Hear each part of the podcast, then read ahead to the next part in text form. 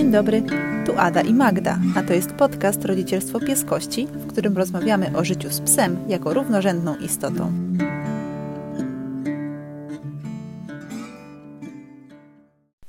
Cześć, z tej strony Magda. Witam Was w pierwszym solowym odcinku naszego podcastu. Ciągnęłyśmy z Adą zapałki, który y, odcinek solowy będzie pierwszy, czy mój, czy jej. Ja wyciągnęłam tę krótszą zapałkę.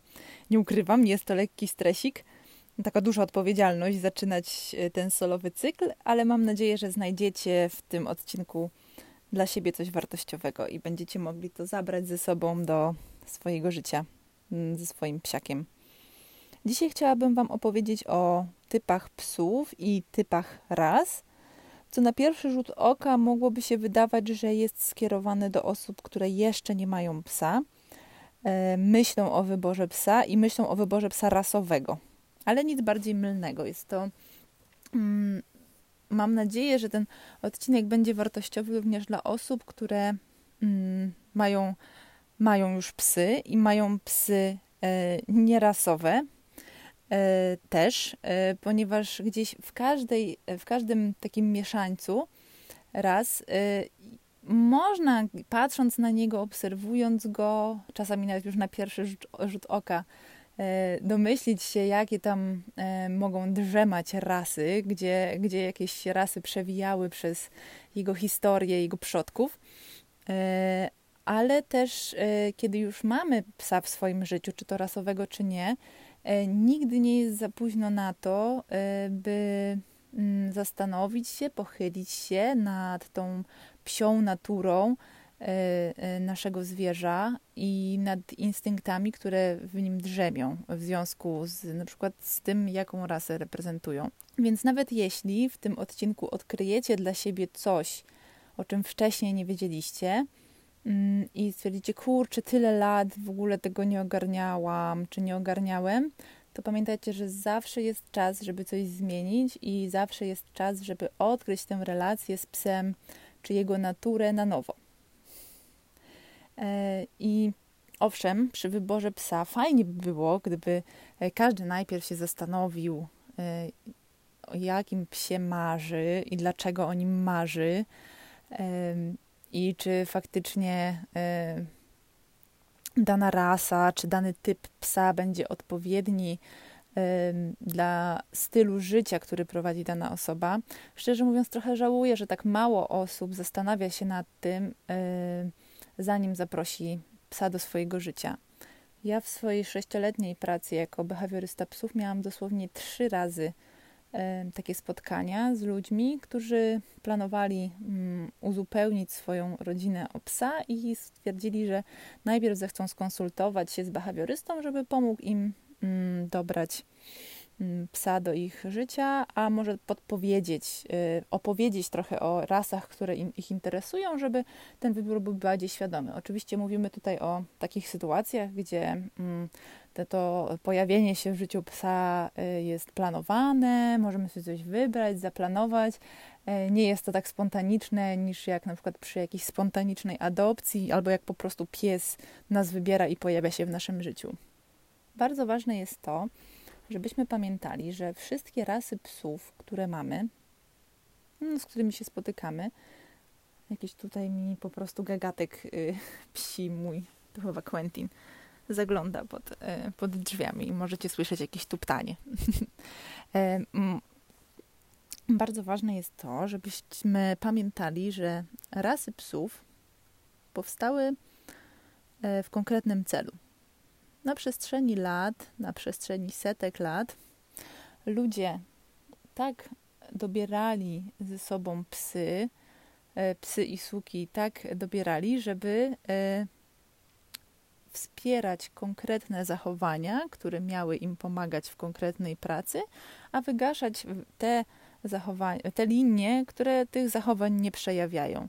Większość raz, które teraz mamy, i to ogromna większość, no oprócz psów towarzyszących, y, takich do towarzystwa, to były y, rasy stricte pracujące. Mm, one nie powstawały od tak sobie, tylko miały wykonywać konkretne zadania. I tak mamy psy pasterskie, psy myśliwskie, psy obronne czy stróżujące, Mm. I musimy pamiętać, że e, mimo, że nasze psy już teraz niestety są w dużej mierze bezrobotne i nie wykonują tych swoich prac, do których zostały stworzone, mm, wciąż drzemie w nich e, ten gen i wciąż płynie w nich ta krew przodków. W mniejszym czy większym stopniu mm, jest ten instynkt jest silny bądź mm, bardziej lub mniej. Mm, są też e, linie psów, nawet teraz bardziej pracujące i mniej pracujące. No, chociażby u berderów, tak? Bardziej wystawowe i e, bardziej pracujące bo wciąż są e, na świecie psy, które pracują chociażby przy wypasaniu owiec, więc tak. I jednak w każdym z naszych psów gdzieś ta jakaś żyłka płynie. Mm, I jeżeli poznamy te zachowania charakterystyczne dla danego typu psa czy dla danej rasy, będzie nam łatwiej zrozumieć zachowanie, które nasz pies przejawia. I często okaże się, że e, ten problem, który mamy, który wydaje nam się, że mamy z naszym psem, tak naprawdę to nie jest problem do rozwiązania, a prawda o tym psie do zaakceptowania. I kiedy sobie to przyswoimy i zinternalizujemy, wtedy jest nam dużo, dużo łatwiej. Mm, bardzo często osoby, które zgłaszają się e, o poradę czy po pomoc y, do behawiorystów są to osoby zgłaszające problemy, które są, jak się okazuje, przy głębszej analizie, albo nawet i nie głębszej, są to tak naprawdę nie problemy, a właśnie y, zachowania typowe dla danej rasy. I tak, na przykład zgłasza się y, pani z Cocker Spanielem, i mówi, że ma taki problem, że na spacerach jej koker spanier biega po krzakach, dużo szczeka i nie chce się przywołać. Jest taki szalony i w ogóle nieokiełznany e, i ona ma z tym problem i ona tego nie chce i, i fu. Ale gdy się głębiej zastanowimy, to po pierwsze e, jest to pies myśliwski, czyli już z góry, z dość mocnym instynktem, z grupy płochaczy. I co miały robić takie psy właśnie z grupy płochaczy? Miały biegać po krzakach, szczekać i płoszyć przykład ptactwo, które miało się wzbić w powietrze i myśliwe miały je ustrzelić. Więc jak spojrzymy sobie na to, y, na problem tej pani, już mając wiedzę, co to są płochacze, to wydaje się tak, kurczę, no. Y, zaprosiła do życia pani psa, y, który został stworzony do tego, by biegać po krzakach i płoszyć ptaki i szczekając. A pani przychodzi z problemem takim, że pies biega po krzakach, szczekając, płoszy ptaki na przykład. Mm, więc mm, oczywiście nie mówię, że to nie jest problem, bo yy, na, oczywiście w codziennym życiu yy, domyślam się, że jest to uciążliwe. Yy, I oczywiście da się z tym pracować, da się zminimalizować te zachowania, albo da się na przykład wypracować komendy, które pozwolą odwoływać się psu. Da się też mu zaproponować takie rozrywki, żeby ten instynkt y, jednak miał gdzieś ujście, żeby on mógł sobie pobiegać po tych krzakach i poszczekać, ale żeby to było w jakiejś harmonii z tym, czego oczekuje y, właśnie ta pani od niego, czyli bardziej spokojnych i okiełznanych spacerów w tym przypadku. I to naprawdę bardzo często, kiedy się głębiej zastanowimy nad zachowaniem psa, które często nam nie odpowiada, albo po prostu jest ciekawe i sobie je obserwujemy i pogrzebiemy sobie w tym, jaką pracę miały wykonywać psy, okaże się, że to są właśnie zachowania typowe dla rasy. I to jest bardzo fascynujące e, się tak pozastanawiać, pooglądać to i, e, i posprawdzać, posprawdzać, czy kurczę, to co ten mnie tak wkurza w tym życiu codziennym i jest dla mnie uciążliwe, to czy to jest problem do rozwiązania, czy prawda do zaakceptowania. Mm, bardzo, bardzo lubię to stwierdzenie i, i, lubię sobie tak czasami zrobić sobie taką pauzę, zatrzymać się, obejrzeć sytuację i tak, a okej, okay, dobra, dobra, tak, wiem, tak, to jest hard, one tak mają. mm, i mogę to przełknąć, mogę z tym popracować, ale zdecydowanie nie wkurzać się, nie wiem, na Quentina, że jest na, na harta Quentina mojego, że za to, że jest hartem. Mm, absolutnie nie mówię, że teraz jakieś wszystkie problemowe zachowania y, możemy skwitować tym, eh, cecha rasy, on tak ma. Y, I w ogóle y, przejść na tym do porządku dziennego. Bardziej chodzi mi tu o świadomość, z czego te zachowania wynikają.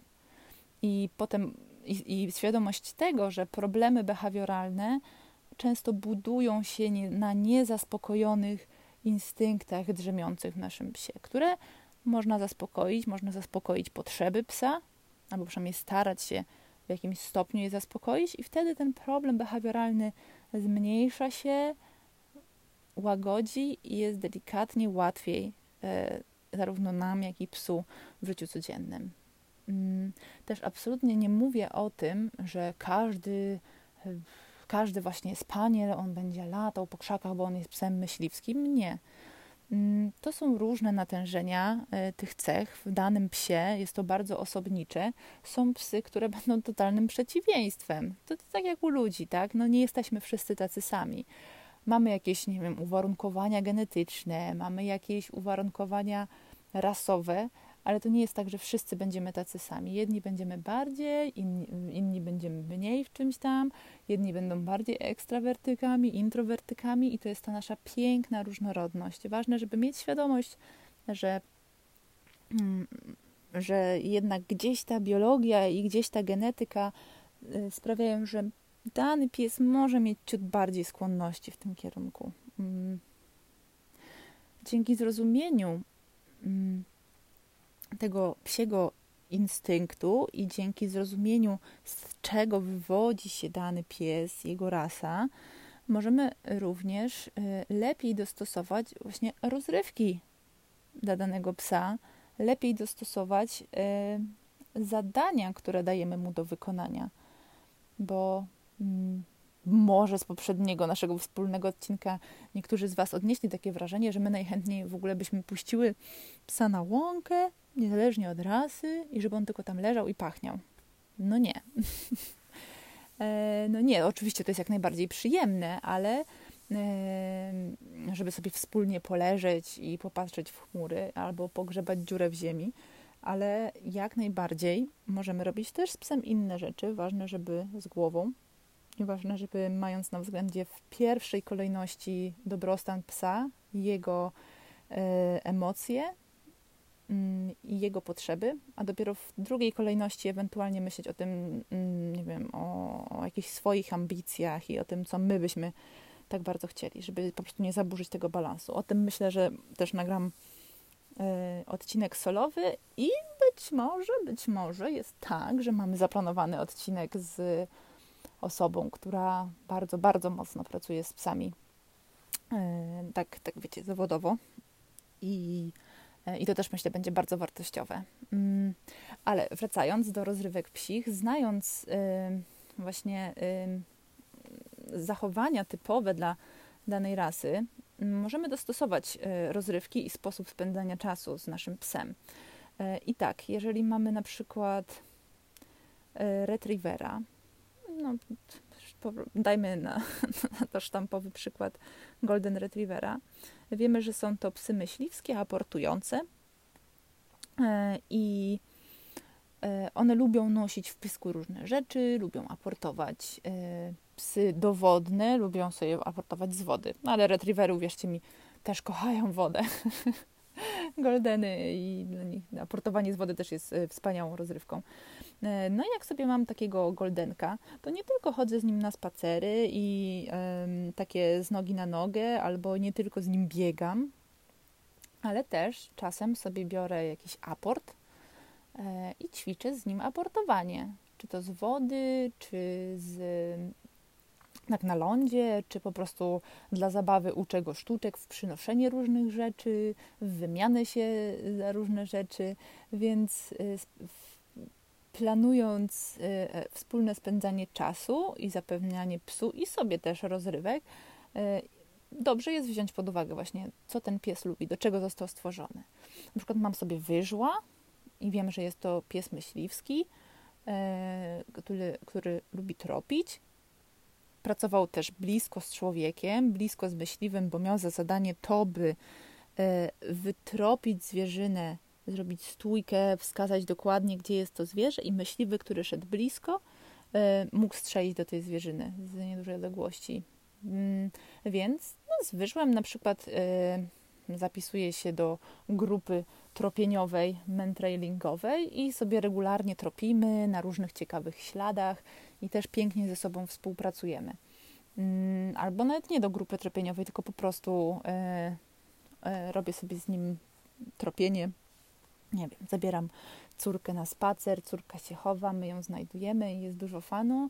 I pies ma wspaniałą rozrywkę umysłową, która E, wspiera jego naturalne predyspozycje, a my mamy fajną zabawę i spędziliśmy sobie czas w lesie. Mm. Więc e, kolejna rzecz. Mm. E, jeszcze zanim, mm, jeżeli jeszcze nie mamy psa i myślimy o jego wyborze, no to właśnie myśląc o tym, jakiej jest rasy i co to za sobą niesie, możemy lepiej dopasować Y, psa do siebie, mm, do swojego stylu życia, jakkolwiek przedmiotowo wobec psa to brzmi, ale jeżeli się dopasujecie na początku, to już start wasze wspólne życie jest od razu, od razu łatwiejszy niż jak będziecie musieli się przepychać i na siłę próbować zmienić jedno coś w drugim, tak? Y, I na przykład, jeżeli hmm, jeżeli nie jesteśmy E, człowiekiem, który lubi dużo aktywności, lubi spędzać dużo czasu na dworze, lubi właśnie biegać po lasach i po krzakach i aportować, to, to raczej nie będzie. I lubi na przykład y, psy takie mniej pobudliwe, e, które nie jest tak, że wszędzie ich pełno i są reaktywne i łatwo je rozkręcić do zabawy, to raczej nie będzie szukał swojego przyszłego kompana E, swojego przyszłego partnera życiowego wśród powiedzmy terierów, tylko będzie szukał swojego kompana wśród molosów, e, wśród e, psów, które mm, są mniej reaktywne, które trudniej jest rozkręcić.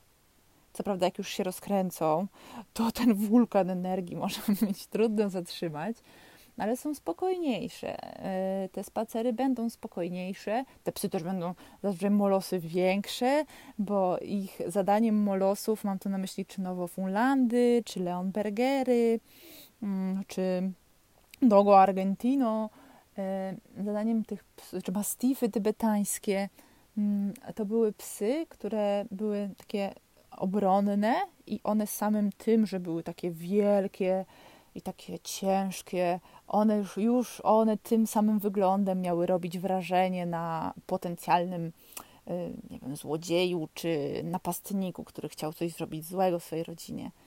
Mm, więc je będzie trudniej rozkręcić, a y, łatwiej, trudniej je rozkręcić, a, y, a potem też będzie trudniej je zatrzymać w tym rozkręceniu.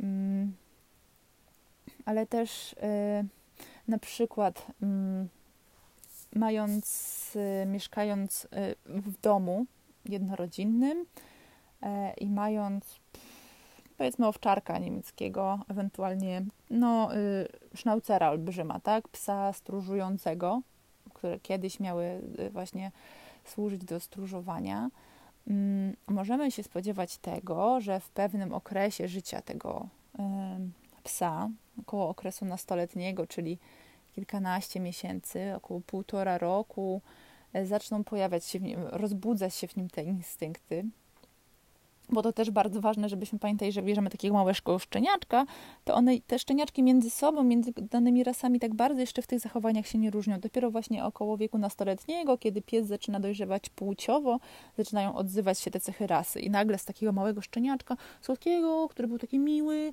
i w ogóle mm, e, budzi się jakieś takie dziwne zachowania, a że on nie wie. I właśnie taki powiedzmy sznaucerek, olbrzym, no to już nie taki mały sznaucerek, ale sznaucer, mm, mm, no, lubił wszystkich gości, jak przychodzili, tak, przez furtkę, a nagle zaczyna oszczekiwać i nagle nie bardzo chce wpuścić tego pana listonosza czy teściową do domu na przykład. I to znak, że od, zaczynają odzywać się cechy rasy. Albo na spacerach jest taki niespokojny, gdy do, naszej, do, do, jego rodziny, do jego grupy zbliża się ktoś obcy. Często wyjdzie do przodu, zacznie buf, buf, buf, oszczekiwać i to jest taki znak, że te cechy rasy się budzą. I co my wtedy możemy zrobić? Po pierwsze, mm, a propos psów stróżujących w domu, e, pamiętajmy, że absolutnie to nie jest zadanie psa, żeby mm, mówić, bronić, kto ma wejść, kto ma nie wejść. E, ważne jest to, żebyśmy to e, my wzięli na siebie odpowiedzialność za chronienie naszego domostwa, żeby ten pies nie musiał być ciągle w pracy i nie musiał się tym stresować, żeby wypracować z nim taką relację, że jeżeli my jesteśmy w pobliżu, to on wie, że nie musi się kompletnie przejmować tym, kto wchodzi do domu, bo my bierzemy na siebie tę odpowiedzialność. Więc to jest dużo takich niuansów, e, które e, sprawiają, że gdy poznamy te cechy drzemiące w naszym psie, nasze życie będzie łatwiejsze, szybciej będzie nam, łatwiej będzie nam mm, zidentyfikować jakieś zachowanie, zrozumieć, dlaczego ono się, pojawi, ono się pojawiło i będzie nam łatwiej od razu gdzieś zastosować e, czy wykorzystać e, jakiś sposób, wymyślić sposób na zaspokojenie potrzeby, która drzemie za tym zachowaniem. E, no i też kolejną rzeczą, e, która jest piękna w tym poznawaniu e, typów psów i cech rasy, jest to, że możemy zachwycić się nad tym instynktem. Możemy, dla mnie to jest tak fascynujące, że z jednej strony mam sobie dwa harty, które śpią ze mną w łóżku i są po prostu Django jak pada deszcz, to on wolałby jednak nie wychodzić na dwór i on może zrobić siku za cztery dni, jak trzeba będzie. E, i, i miękka poduszka i pówka to jest to w ogóle to, co może być najlepszego w danym momencie w życiu, a z drugiej strony e, jedziemy na ogromne, otwarte przestrzenie i ja widzę je w pełnym pędzie, widzę je e, obserwujące bardzo daleko jakiś najdrobniejszy ruch i ruszające po prostu bez, bez zająknięcia w tym kierunku. E, oczywiście wiąże się to z wyzwaniami, ponieważ ja muszę zadbać o bezpieczeństwo zarówno ich, jak i potencjalnych ofiar, e, więc muszę bardzo uważać na to, gdzie je puszczam, jak je puszczam i patrzeć jeszcze szybciej i jeszcze dalej niż one. Ale widzieć swojego psa w tym swoim instynkcie to jest piękne, to jest wow, czyli to wcale nie są kanapowcy, to nie są zakopane w kodrach po prostu chude dupki e, dupeczki, tylko to są e, tylko to są kurcze te, te, te, te potomkowie tych swoich przodków i to jest jakieś takie jest taki element dzikości w tym i, i można się tym naprawdę zachwycić i zafascynować. Mm, dlatego zachęcam Was do tego, byście e, pogrzebali trochę w publikacjach, e, bardzo czytając jakieś opracowania na temat ras psów, na temat typów psów, uważajcie e, na takie książki i na takie opracowania mówiące o tym, że e, no, wszystkie psy tak mają, ale na przykład, e, nie wiem, no, owczarki niemieckie, przykładowo mówię, są, bardzo lubią małe dzieci i są bardzo radosne i chętnie hasają podwoże to już nie jest cecha rasy. Bycie radosnym e, czy lubienie dzieci to jest bardzo już osobnika, osobnicza cena, e, cecha wypływająca z doświadczeń tego psa i z jego charakteru. Nie, nie jest to cecha rasy. Mm, Ada jest tu skrawnicą e, wiedzy o dobrych książkach, opracowaniach na temat w ogóle psów, więc może jak będziecie zainteresowani, to coś Wam podeślę, ale fajnie jest też pogadać z ludźmi, którzy mają mm, dane psy, pogadać z hodowcami. Naprawdę wierzę w to, że jak, zanim weźmiemy psa, dobrze się do tego przygotujemy, e, to e, można naprawdę sprowadzić do swojego życia, dać dom cudownej istocie, która E, wejdzie po prostu w to życie jak w masło.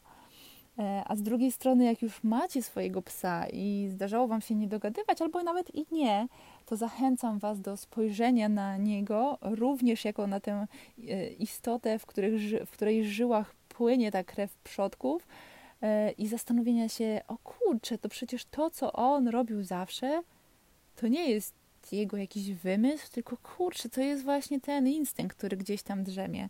Jest to piękne i bardzo, bardzo pouczające. Na dziś to już tyle. Tak jak mówiłam ja o tym temacie, to mogę w nieskończoność, bo naprawdę uwielbiam te, te niuanse i te, i te zależności. E, jeżeli macie jakieś pytania albo sugestie, to w opisie odcinka niezmiennie jest nasz mail. E, I cóż, słyszymy się w kolejnym odcinku. I to już wszystko na dziś. Dziękujemy, że byliście z nami. Do usłyszenia w kolejnym odcinku podcastu Rodzicielstwo Pieskości.